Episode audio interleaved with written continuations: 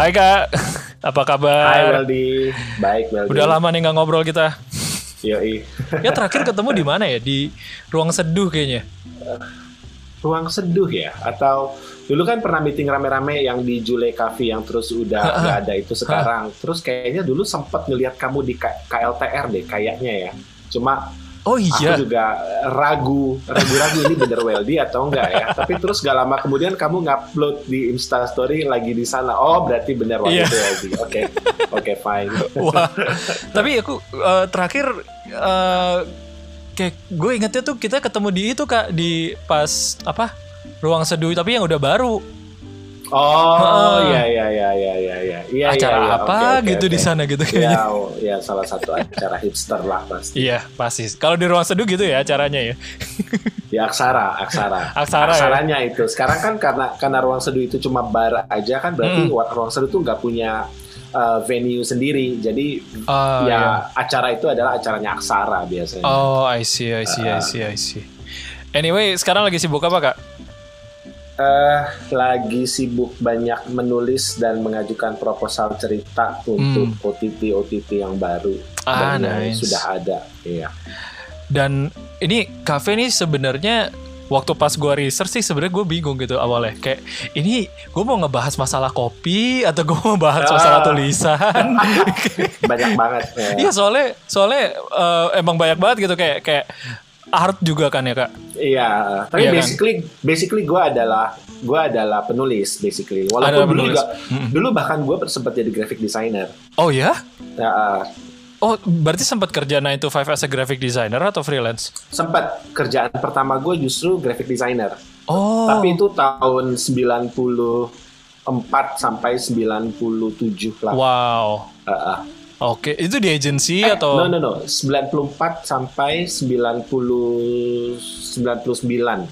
Uh, iya ya, karena gue Wow. ingat waktu kerusuhan gue masih jadi graphic designer. wow Iya, Iya, iya. di agensi, di agensi kecil gitu. loh. Mhm. Nah, Berarti start dan dan start awalnya tuh nulis dari kapan kak? Kalau gue nulis tuh udah suka dari kecil. Hmm. Jadi sebenarnya gue dari kecil banget, like as in umur 12, umur 11 tahun, Hmm, bahkan hmm. mungkin lebih lebih muda lagi itu gue udah tahu bahwa gue senangnya nulis. Ah, Bahkan jadi pas ulang tahun ke 10 atau 11 gitu, almarhum bokap gue ngasih gue kado tuh mesin tik. You know, wow. waktu itu tahun 87 ya, gitu lah, belum Hmm. ada komputer ya. Hmm. 8, no no no 84 apa 83 gitu loh jadi masih mesin tik jadi Wow. emang gue udah tahu gue Hmm. jadi penulis cuma kan eh apa mesti cari duit kan begitu lulus SMA Iya, kan. betul. lulus SMA eh gak, gak ada budget untuk kuliah jadi eh, cari kursus yang cepet kursus desain grafis desain grafis waktu itu lagi lagi booming boomingnya lah Lagi Pertama- naik-naiknya. pertama kali booming di Iya. Jakarta banyak yang cari dan gue juga punya lumayan lah gue suka gambar punya punya taste lah gitu lah Hmm, ya hmm, hmm. jadi eh, paling gampang untuk cari duit adalah belajar desain grafis setahun doang waktu itu kursusnya terus langsung kerja Oh, jadi wow. langsung hidup mandiri tapi tahun singkat ceritanya tahun 2000-an gitu akhirnya gue dapet kerja tahun 2000 awal atau 99 gue dapet Hmm. kerja di eh, apa eh, website live eh, website gaya hidup portal Hmm. gaya hidup Hmm. di mana eh, justru gue menjadi eh, penulis editor jadi gue Oh. dapat kesempatan untuk akhirnya kerja sebagai penulis Oh, see. udah bye dari graphic design bye. Tapi tapi dengar-dengar nih dulu kafe sempat jadi screenwriter juga ya? Sampai sekarang masih Sampai sekarang gua masih? masih skrip ya masih Hmm. masih cuma eh, dulu gue lebih ya awal 2000 gue mulai nulis buat sinetron tuh 2003 2003 itu nulis sinetron Wow. ABG yang di RCTI itu Hmm. terus eh 2004 atau 2005 mulai nulis film layar lebar Itu film apa kak? Eh, film pertama gue tuh gue lupa deh buruan cium gue atau kuntilanak yang pertama ya Wow. Itu deh Legend itu film tuh kuntilanak. Antara antara dua itu Oh, gue lupa mana yang duluan kalau nggak salah sih kuntilanak dulu baru Iya. buruan cium gue ya lupa deh itu kuntilanak kan ada tiga seri. Itu tiga-tiganya Ya. kafe yang nulis. iya Wow. yang dulu ya yang Julia Estelle ya Iya iya iya iya. Iya. ya. Gitu. Wah. Tapi sampai sekarang masih ngerjain. Uh, untuk Jadi layar lebar? sekarang gue udah males nulis layar lebar. Hmm. Kenapa? Kenapa tuh? The money is shit. oke? Oh, iya? Duit- duitnya nggak sebanyak nulis buat TV. Walaupun TV Oh. nulisnya lu nggak bisa pakai idealisme ya. Iya, iya sih. Iya TV lu sih. nulis udah. It's uh, it's it's dagang, it's cari duit. Jadi ya. Jadi uh, gua jadi gue menyeimbangkannya adalah dengan Hmm. kalau gue cari duit gue di TV. Kalau gue mau uh, idealis, gue mau bikin apa yang gue mau ya gue nulis novel aja sekalian ya. Memang gak ada duitnya gitu. Iya, iya, iya. Oh, Because untuk nulis untuk film balance itu ya. karena nulis film itu pertama lu udah lu harus kerja bareng sama orang gitu ya. Jadi you collaborate with so many people so you cannot Hmm. be selfish, you cannot do whatever you want.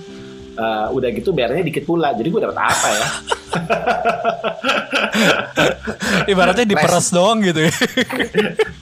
Prestis enggak juga kok nulis film Indonesia enggak belum ada prestisnya kok nanti aja lah. Iya, iya, iya, iya. iya. Enggak juga.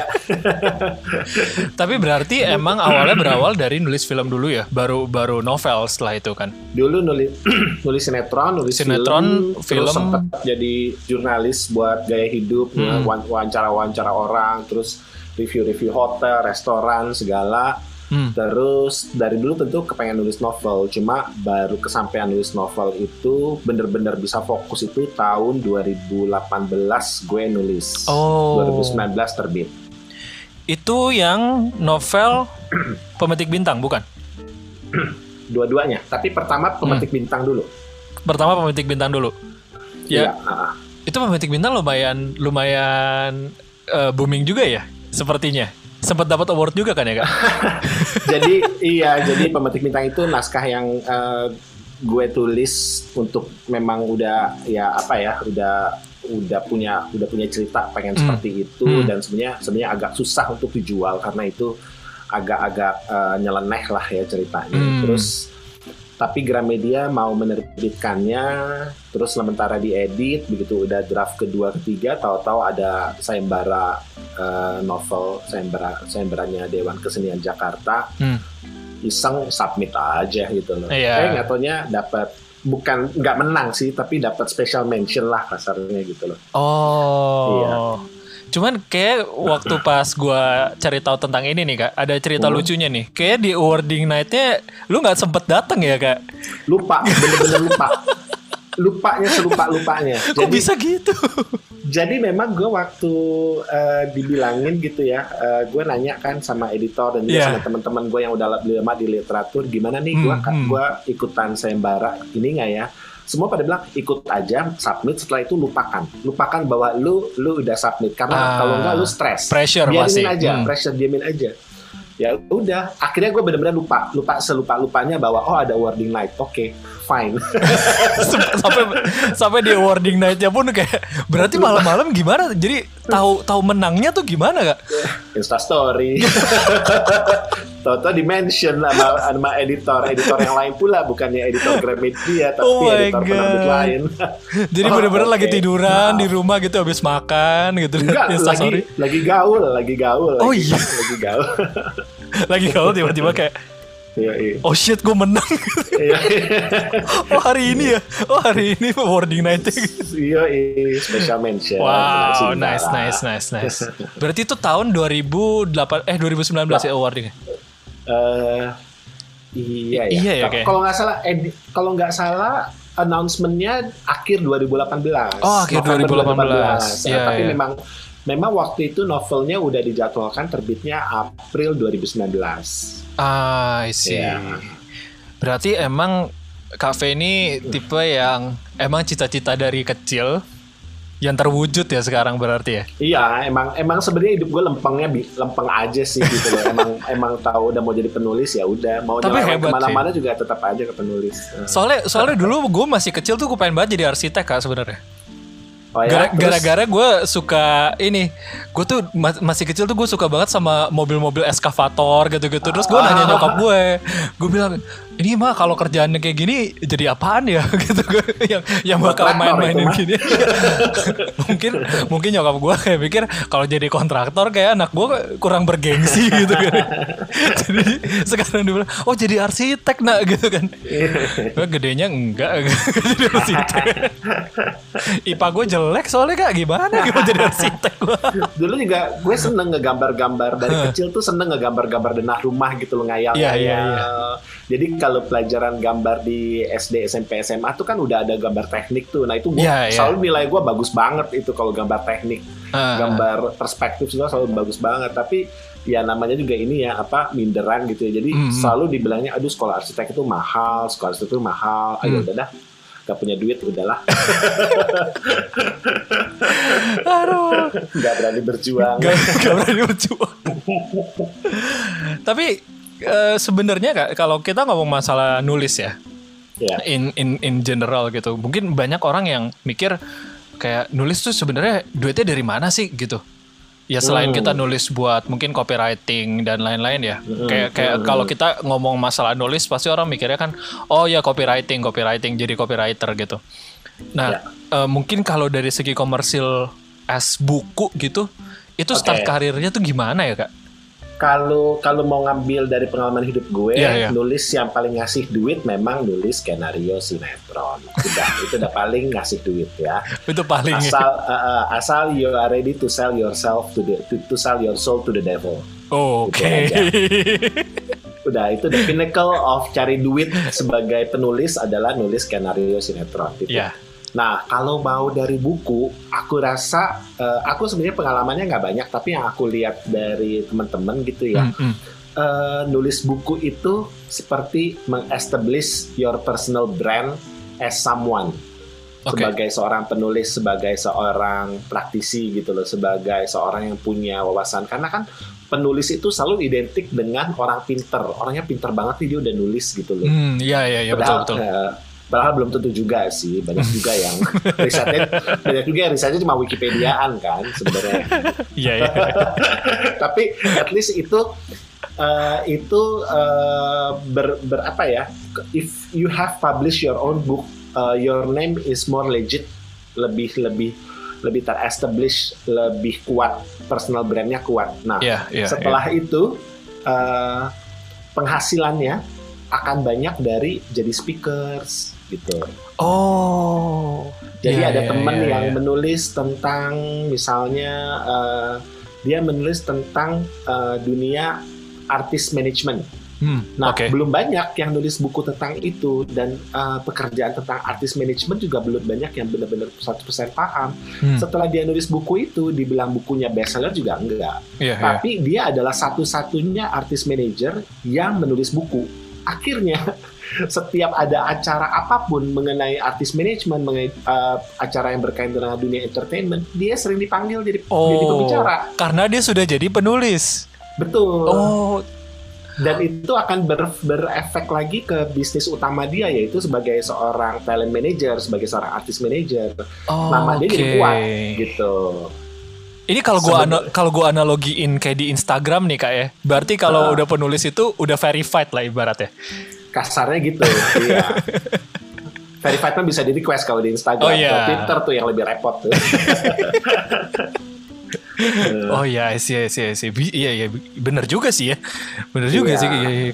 Kalau kalau udah ada embel-embel penulis sih biasanya memang orang merasa kayak oh ini udah nulis buku A B C D soalnya dia Betul. gitu. Jadi, Jadi- legit gitu. nomor satu berarti keuntungan dia tuh nggak bukannya keuntungan yang nominal tapi keuntungannya itu berupa personal brand dia jadi lebih Ah. kuat nah kalau kita punya personal brand kuat kan kita bisa mainin ke mana aja Iya iya iya. Iya kan betul kita mau betul. bikin kafe kita mau bikin apa orang udah kenal. Iya, mau jadi speaker gitu kan. Iya, eh, eh. Iya, mau iya, tiba-tiba bikin bikin bikin risol jual bisa aja gitu loh. Bikin result tapi eh, buku yang dipublish chord gitar kak. Iya. Nggak ada hubungannya. Gitu, eh, Aduh. Eh tapi tapi sebenarnya kalau misalkan kita ngomong nih dari yang tadi gue tangkap Hmm. dari kafe, kafe ini adalah orang yang bisa membedakan antara money and idealism. Iya. Ya, dan itu kayaknya hal yang mungkin sekarang ya anak-anak uh, millennials lah, anak-anak millennials apalagi yang baru-baru lulus fresh grad gitu, itu Ah. banyak banget yang gue gua gua gua pribadi kan gue kerja di agency dan gue banyak Iya. banget dealing with this kind of uh, Iya, iya, kids iya. gitu. Betul. Nah, mereka itu banyak banget yang merasa kayak, aduh, gue ini bukan idealisme gue nih bikin kayak gini, makanya gue mau cabut. ini ini gak gue banget nih gitu. Ya gue gue pengen referensi eh, nya kayak gini, tapi klien tuh beda gitu. Dia punya vi- visinya beda gitu. Kalau dari lu sendiri tuh gimana sih cara ngebalancein itu?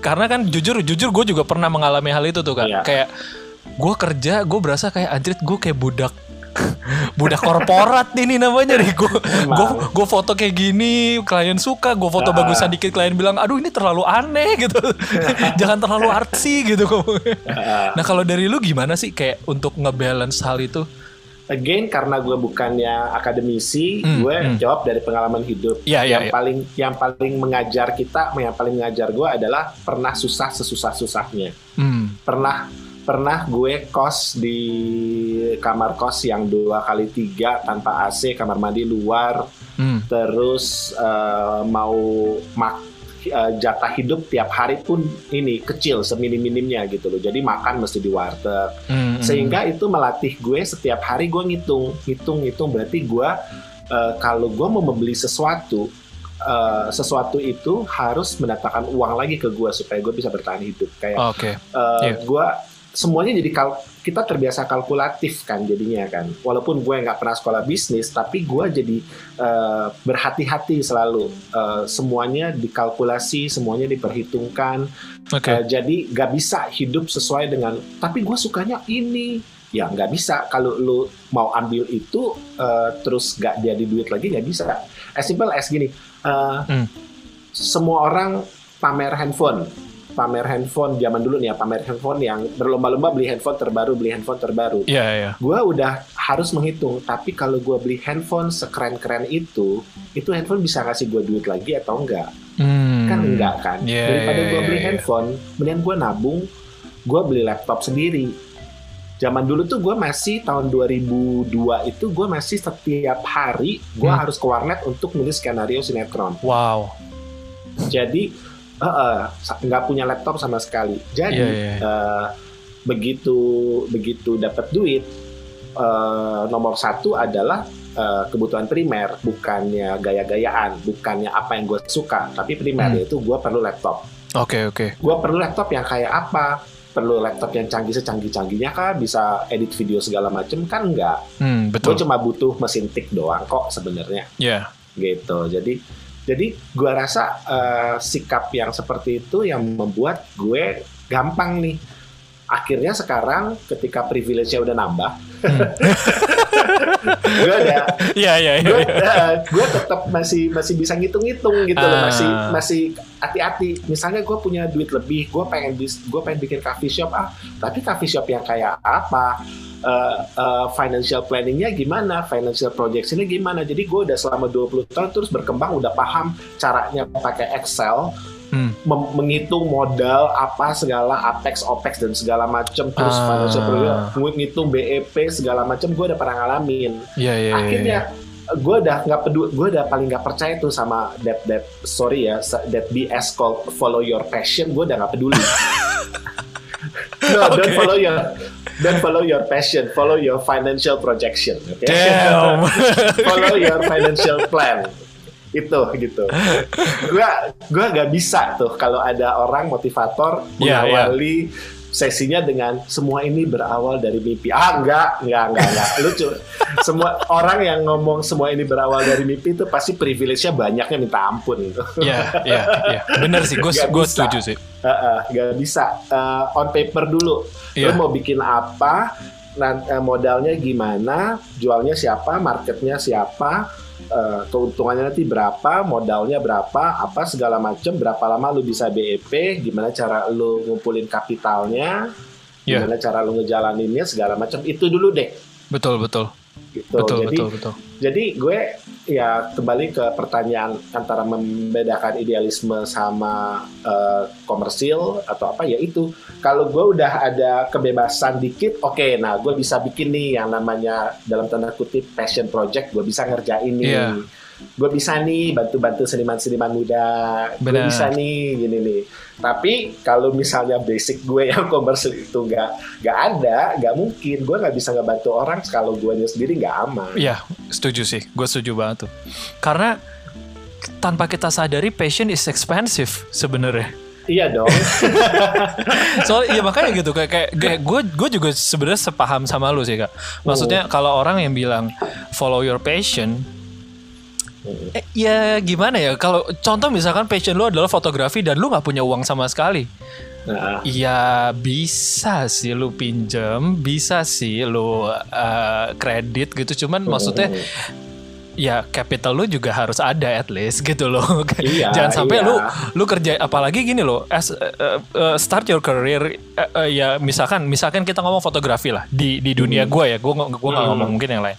Kalau fotografi itu kan lu nggak bisa langsung kayak datengin ke orang eh gue foto lu bayar gua sekian gitu ya nggak bisa kan. Iya, lu harus iya. build portfolio dulu which is more money Iya kan? betul. ya mi- minimal lu build for- portfolio lu nggak dibayar gitu loh. Iya. awal-awal juga gue gitu kok dulu. Portfolio nggak bayar malah gue yang bayar modelnya gitu kan. Jadi gue yang keluar duit. Iya iya jadi memang ya dan kadang-kadang eh, kalau kita mau misalnya tujuannya jadi fotografer Iya. mau mau jadi fotografer kalau di tengah-tengah kita mau nyimpang dulu nggak apa-apa loh nggak apa-apa bisa jadi balik lagi sama kayak Betul, lagi-lagi betul. kayak hidup gue gitu gue dari awal udah tahu gue jadi penulis tapi gue lima tahun Iya. tahun itu jadi des- desainer grafis dulu benar karena benar itu yang bikin gue da- dapet duit karena gue yakin kalau memang ujungnya gue akan jadi penulis gue akan Iya. jadi kok nanti tenang aja gitu at least lu, lu tuh punya pijakannya dulu gitu loh Uh, jangan start langsung lu mau terbang gitu ibaratnya kan? Iya. Iya. uh, ya sih benar sih setuju. Dengar ya teman-teman ya ini pesan penting buat kalian semua. Nggak apa-apa punya passion nggak apa-apa banget punya passion. Cuma eh, jangan jangan lu ninggalin semuanya terus wah I'm gonna follow Iya. my passion and I'm gonna be happy. No way man. Iya. on paper on paper mana? Hitung hitungannya mana benar. Eh kak by the way kita mau ngobrol ini tentang eh, karya terakhir lo. Ya. Lucifer Lucifer. Ya. Gue gua jujur ya kak. Gue belum Nah. baca. Gue masih belum baca nih. Tapi gue udah research kayak di Goodreads gitu. Ya ya. Gue lihat juga eh, review-reviewnya. Kan di Goodreads kan ada tuh review-review di bawahnya kan Iya, dan sinopsisnya gitu. Ya itu tiap hari gue panteng kok oh iya. Ini yang komen. Kan gue. Yang Insecure. komen komen. Yang komen komen nih. Ah, tapi tapi ini eh, mungkin bisa share sedikit nggak sih kak? Kayak oh what is it about? Jadi eh, sebenarnya ini adalah strategi gue juga nih nulis buku ini. Gara-garanya Hmm. waktu itu eh, publisher Post Press yang ada di Pasar Santa itu Iya. Kasih pengumuman bahwa mereka mencari naskah novela untuk diterbitkan. oh nah, oke gue kan pemetik bintang udah diterbitkan oleh Gramedia, Gramedia, yang adalah penerbit uta- eh, besar gitu ya mainstream. ya mainstream Gue tuh juga gue juga kepengen untuk diterbitkan oleh penerbit independen Hmm. karena kesannya lebih seksi, lebih lebih cakep lah gitu kalau Oke. dapet penerbit independen. Dan emang Postpress adalah salah satu penerbit independen terbaik lah di Indonesia dan sangat-sangat berfokus pada kualitas gitu. Jadi gue kepengen Oke. banget nih terpilih gitu loh. Nah jadi gue langsung mikir cerita apa yang bisa gue ceritakan, yang bisa gue bagikan ke Postpress ini yang orang lain pasti nggak tahu. Orang lain pasti nggak kepikiran untuk menceritakan soal itu Hmm. gitu. Nah, ya apalagi selain pengalaman gue dulu selama 2 tahun menjadi full time minister di sebuah gereja. oh, oke Gitu. Karena itu ceritanya seru banget, Iya. dunianya beda banget itu udah kayak udah kayak planet gitu loh. di di di dunia Nasrani yang terbagi Kristen Protestan, Kristen Katolik, Iya. ini udah di bagian Kristen Protestan, tapi dibagi di untuk untuk dunia Kristen Protestan karismatik ini pun juga planet sendiri lagi gitu. Iya, Jadi dibagi-bagi lagi Uh, uh, ini sangat jarang yang paham, jarang yang Hmm, tahu hmm. bahwa di Indonesia nih ada nih seperti ini nih ada gitu. Iya, Dan iya, iya. sebenarnya apa pun yang terjadi di di kalangan minoritas ini, minoritas dalam minoritas ini, sebenarnya apa pun yang terjadi itu uh, pada intinya sama permasalahannya sama fanatisme Hmm. terlalu terlalu terlalu terlalu spiritual sehingga melupakan kenyataan sebenarnya Hmm. sama di agama mana pun ada gitu Iya iya iya. And ini berarti curhatan pribadi lu ya kak?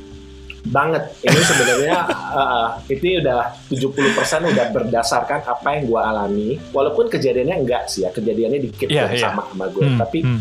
tapi apa yang gue alami dan kebetulan udah udah cukup berjarak sama gue karena gue udah itu kan gue mengalami itu sampai sekitar tahun awal tahun 2000 lah ya 2000 2001 jadi udah ada jarak Iya, iya. 18 tahun gitu ya gue udah menjadi ateis gue rasa lima tahun terakhir Hmm, hmm. jadi gue bisa gue bisa punya yang disebut gue bisa punya helikopter point of view untuk Iya, masalah iya, ini iya, iya. gitu loh Hmm. jadi gue gak curhat curhat banget sebenarnya tapi gue bercerita gitu nah gue yakin gak ada eh, apa peserta lain di eh, open open call-nya open submission-nya Postpress yang punya cerita seperti itu jadi gue tulislah itu Oke. dan nulisnya lancar banget karena gue juga kaget begitu gue nulis ih gila lancar banget ya ternyata emang nih mengalir nih pengalaman-pengalaman zaman dulu nih Iya yang iya. udah mengendap itu mengalir semua gitu jadi gue berceritalah tentang apa eh, seorang anak muda biasa ke- tema yang paling gue suka itu selalu coming of age kan Iya iya. uh, menjadi akil balik. Jadi seorang anak Hmm. muda yang ya dia anak yang baik-baik tapi dan juga keluarganya juga sebenarnya baik-baik gitu ya. Iya iya. Tapi dia tersesat di keriuhan atau histeria agama, histeria histeria histeria orang-orang yang menyebut dirinya beriman Iya. gitu. Sehingga uh, dia sendiri merasa bingung uh, apalagi ketika dia terlibat dalam kasus yang katanya ada seorang anak perempuan yang dihamili oleh iblis, dihamili oleh Lucifer Oke. dan dia kejeblos untuk ikut-ikutan ke apa namanya eksorsismnya, eksorsism Hmm, si hmm. anak perempuan itu. Iya. Padahal dia tahu ada rahasia di balik semua itu, gitu. Ah, iya.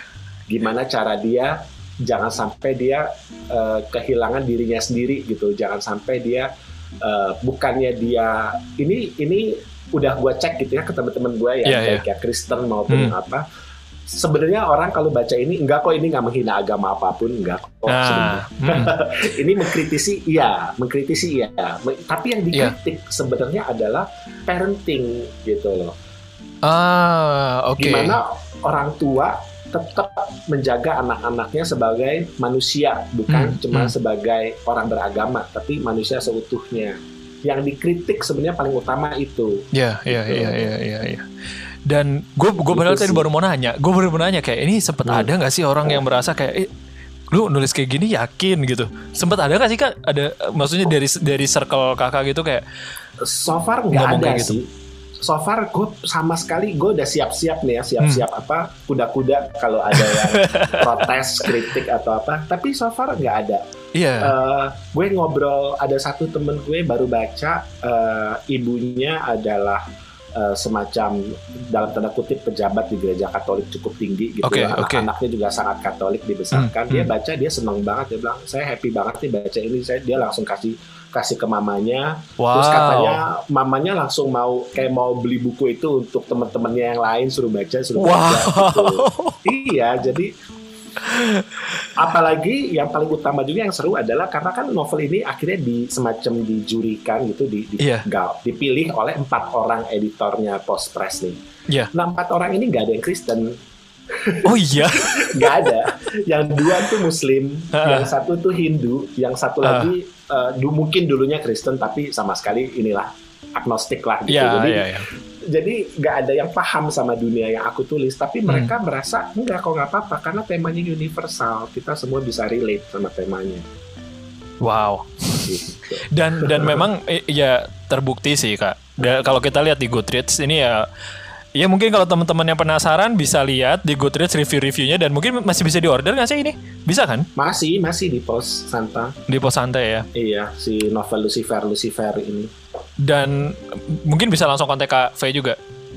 Eh, nggak sih gua nggak jualan sih. langsung ke pos santai ya. Jadi kalau Eh, teman-teman langsung yang penasaran langsung ke pos santai deh. Eh. Silakan. Sebenarnya sebenarnya di Tokopedia apa juga banyak kok reseller yang jual. Oh, buku, iya. apa itu banyak yang jual. Ya, this is ya gue sih kayaknya gue sih akan beli sih.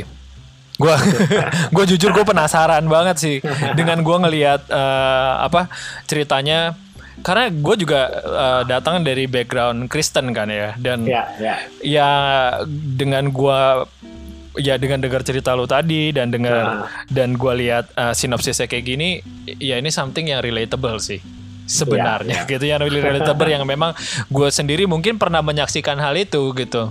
Ya, nah ya. makanya gue penasaran sih isinya kayak gimana. Dan ini nggak gitu tebel ya kayak Nggak, sepertinya. 100, Di 138 ya? 126. 126 126 halaman. Jadi memang makanya masuk kategori novela, bukan novel. oh No- iya, novel iya pendek gitu loh, novelet atau novela. sekali duduk bisa lah ya sekali duduk di kafe Sekali duduk, kebanyakan orang baca sekali duduk kok. tapi tapi memang eh, ini adalah sebuah apa ya sebuah contoh gitu maksudnya kayak kafe itu bisa sampai ke poin ini ya memang bukan bukan apa ya tiba-tiba langsung mempublish buku karena mentang-mentang kayak oh cita-cita kafe itu sebagai penulis gitu loh jadi memang ada grindingnya gitu kan dari awal Iya. Berat Ya, sih, eh, Iya. nggak nggak nggak sul nggak nggak gampang gitu sebenarnya menulis novel gitu ya karena dibutuhkan endurance, dibutuhkan ketenangan gitu loh. Jangan sampai terlalu eh, jangan terlalu sampai terlalu personal juga. Iya. Harus menulis untuk harus me- apa ya harus you have to serve the story gitu loh bukannya the story that serves your ego tapi Iya. your ego has to serve the story gitu loh Em, harus macem-macem deh gitu jadi makanya dulu aku berapa kali coba nulis novel gagal terus karena Hmm. ya memang belum siap aja akhirnya waktu itu strategi aku adalah tahun 2017 Hmm. aku baca se, se- sebanyak banyaknya like satu tahun itu aku baca 66 buku Hmm. untuk bottling untuk apa ya untuk eh, menyerap segala macam emosi segala macam ilmu segala macam masukan segala macam gaya yang ada di berbagai jenis buku yang aku baca itu. Aku baca buku tuh udah udah apa pun dibaca gitu loh. Paling Jadi- favorit apa kak? Eh, kalau waktu itu sebenarnya eh, karena aku udah emang jadi itu tahun 2017 aku baca tapi Hmm. 2016 aku udah udah siapin cerita pemetik bintang oke Dan aku udah udah planning bahwa pemetik bintang ini harus ditulis dengan gaya seperti si Haruki Murakami. Jadi ah 2017 aku ngebacain semua bukunya dia. Selain buku-buku yang lain tentunya gitu ya. Tapi memang dalam 2017 itu udah paling paling kuat ya, paling memang sengaja aku mempengaruhi diri aku sendiri dengan si Haruki Murakami, terutama Kafka on the Shore itu udah paling paling ini deh. the biggest paling influence ya influential. Biggest influence Yeah. gitu. Jadi Kal- kalau baca review pemetik bintang ada yang bilang, oh ini Murakami banget, emang iya sih. Udah, saya nggak mau nolak. Aku nggak mau nolak, emang iya kok. karena memang the biggest influence dari situ and that's okay sih Memang ya. sengaja, memang sengaja. so so what's next Eh, tadinya tahun ini kepengen Hmm. nulis lagi gitu ya, tapi ya eh, tiba-tiba banyak banget kerjaan komersil gitu. Hmm. Jadi malah di pandemi gini banyak kerjaan komersil ya banyak banyak penulis itu sebenarnya sangat ini kok apa eh, kebal pandemi kok tulis kebal pandemi. Tetep- aku selama ya? iya selama karantina nggak berhenti kerjaan wow berhenti Heeh. beneran nggak berhenti jadi banyak kok Eh, karena eh, gini karena eh, OTT semacam semacam apa semacam video.com Ah. eh, View Iya, iya. iFlix apa terus banyak lagi yang mau masuk nanti ada Disney Plus oh iya HBO iya juga iya katanya HBO juga katanya mau belanja konten lokal gitu jadi ah ah. eh, banyak banget OTT yang akan masuk dan mencari konten lokal, mencari program lokal sehingga dan production house di sini nggak sebanyak itu gitu loh. iya iya Sehingga kita semua mempersiapkan diri, bikin pitching, bikin proposal, proposal bikin ide-ide untuk Hmm, dipresentasikan ke mereka gitu. Jadi ini bakal meledak banget sih. Televisi sih bye gitu ya. Terima kasih. Sinetron bye gitu ya. Bagus loh. Akhirnya akhirnya ya terlepas dari jeratan maut iya iya iya iya iya. tapi seru nih seru jadinya jadi ya Iya, itulah iya, iya, iya. eh, jadi kalau mau jadi penulis jangan takut sekarang tuh banyak banget kok Eh, cara dapat duitnya banyak banget ya ada tips nggak sih kak? Maksudnya yang bisa di share mungkin buat temen-temen yang mau start nulis tuh dari sekarang. Kira-kira exercise-nya gimana, Oh. praktisnya gimana gitu. Nomor satu sebenarnya gimana caranya kita bisa jadi penulis paling gampang adalah banyak baca. Itu udah Hmm, nomor satu. Lu nggak mungkin punya output kalau inputnya kurang. Baca kan input kita kan ya. Hmm. Jadi banyak baca dan bacanya jangan terlalu pilih-pilih lah. Apa aja dibaca. Aku baca sastra klasik baca, baca eh, muat- eh, ikan Natasa juga aku baca. Hmm, hmm. Jadi semuanya dibaca gitu. Iya iya iya. Eh, jangan milih-milih. Eh, nomor satu itu sih. Hmm. Nomor dua menjadi penulis itu sebenarnya menulis itu sebenarnya adalah menguraikan isi pikiran kita kan. Menguraikan isi isi pikiran kita. Jadi kita harus belajar menguraikan isi pikiran kita dengan runut, dengan rapi, logikanya, sebab akibatnya. Hmm. Semua tuh harus harus terkerangka dengan baik. Nggak bisa kita menulis cuma pamer kosakata yang sok-sok sastra, sok-sok indah. Hmm, Nggak hmm. bisa, itu nggak cukup gitu loh. Yang paling utama adalah kerangka pemikirannya. Jadi kalau mau menjadi penulis, belajarlah menata cara berpikir, belajarlah logika. Sebenarnya eh, salah satu buku yang sangat berpengaruh buat saya dalam menulis sebenarnya bukan buku tentang tentang sastra, tapi Hmm. eh, buku filsafat. Jadi Ah, oke.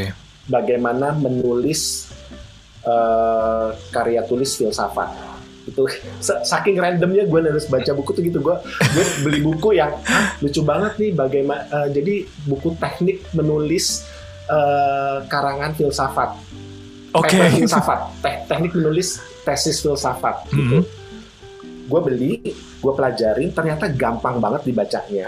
Nggak pusing gitu loh. Hmm. Terus dia menjelaskan logika gitu loh, runutan deduktif, induktif, apa segala macam uh, Oh. yang ternyata gue lihat, oh ini sangat diperlukan dalam nulis novel. Banyak banget baca novel lokal khususnya gitu yang keasikan bercerita tapi runutnya nggak ada gitu loh. Ini Jadi Ah iya iya. apa ini? Ini gitu loh. Hidden gems ya jadi ketemu. iya. Heeh, gitu. Jadi ya itu nomor nomor nomor satu adalah banyak buku, nomor dua belajar menggerakkan pikiran, nomor tiga observasi deh. Observasi suka suka mencoba hal-hal baru dan perhatikan dengan detil gitu. Oke.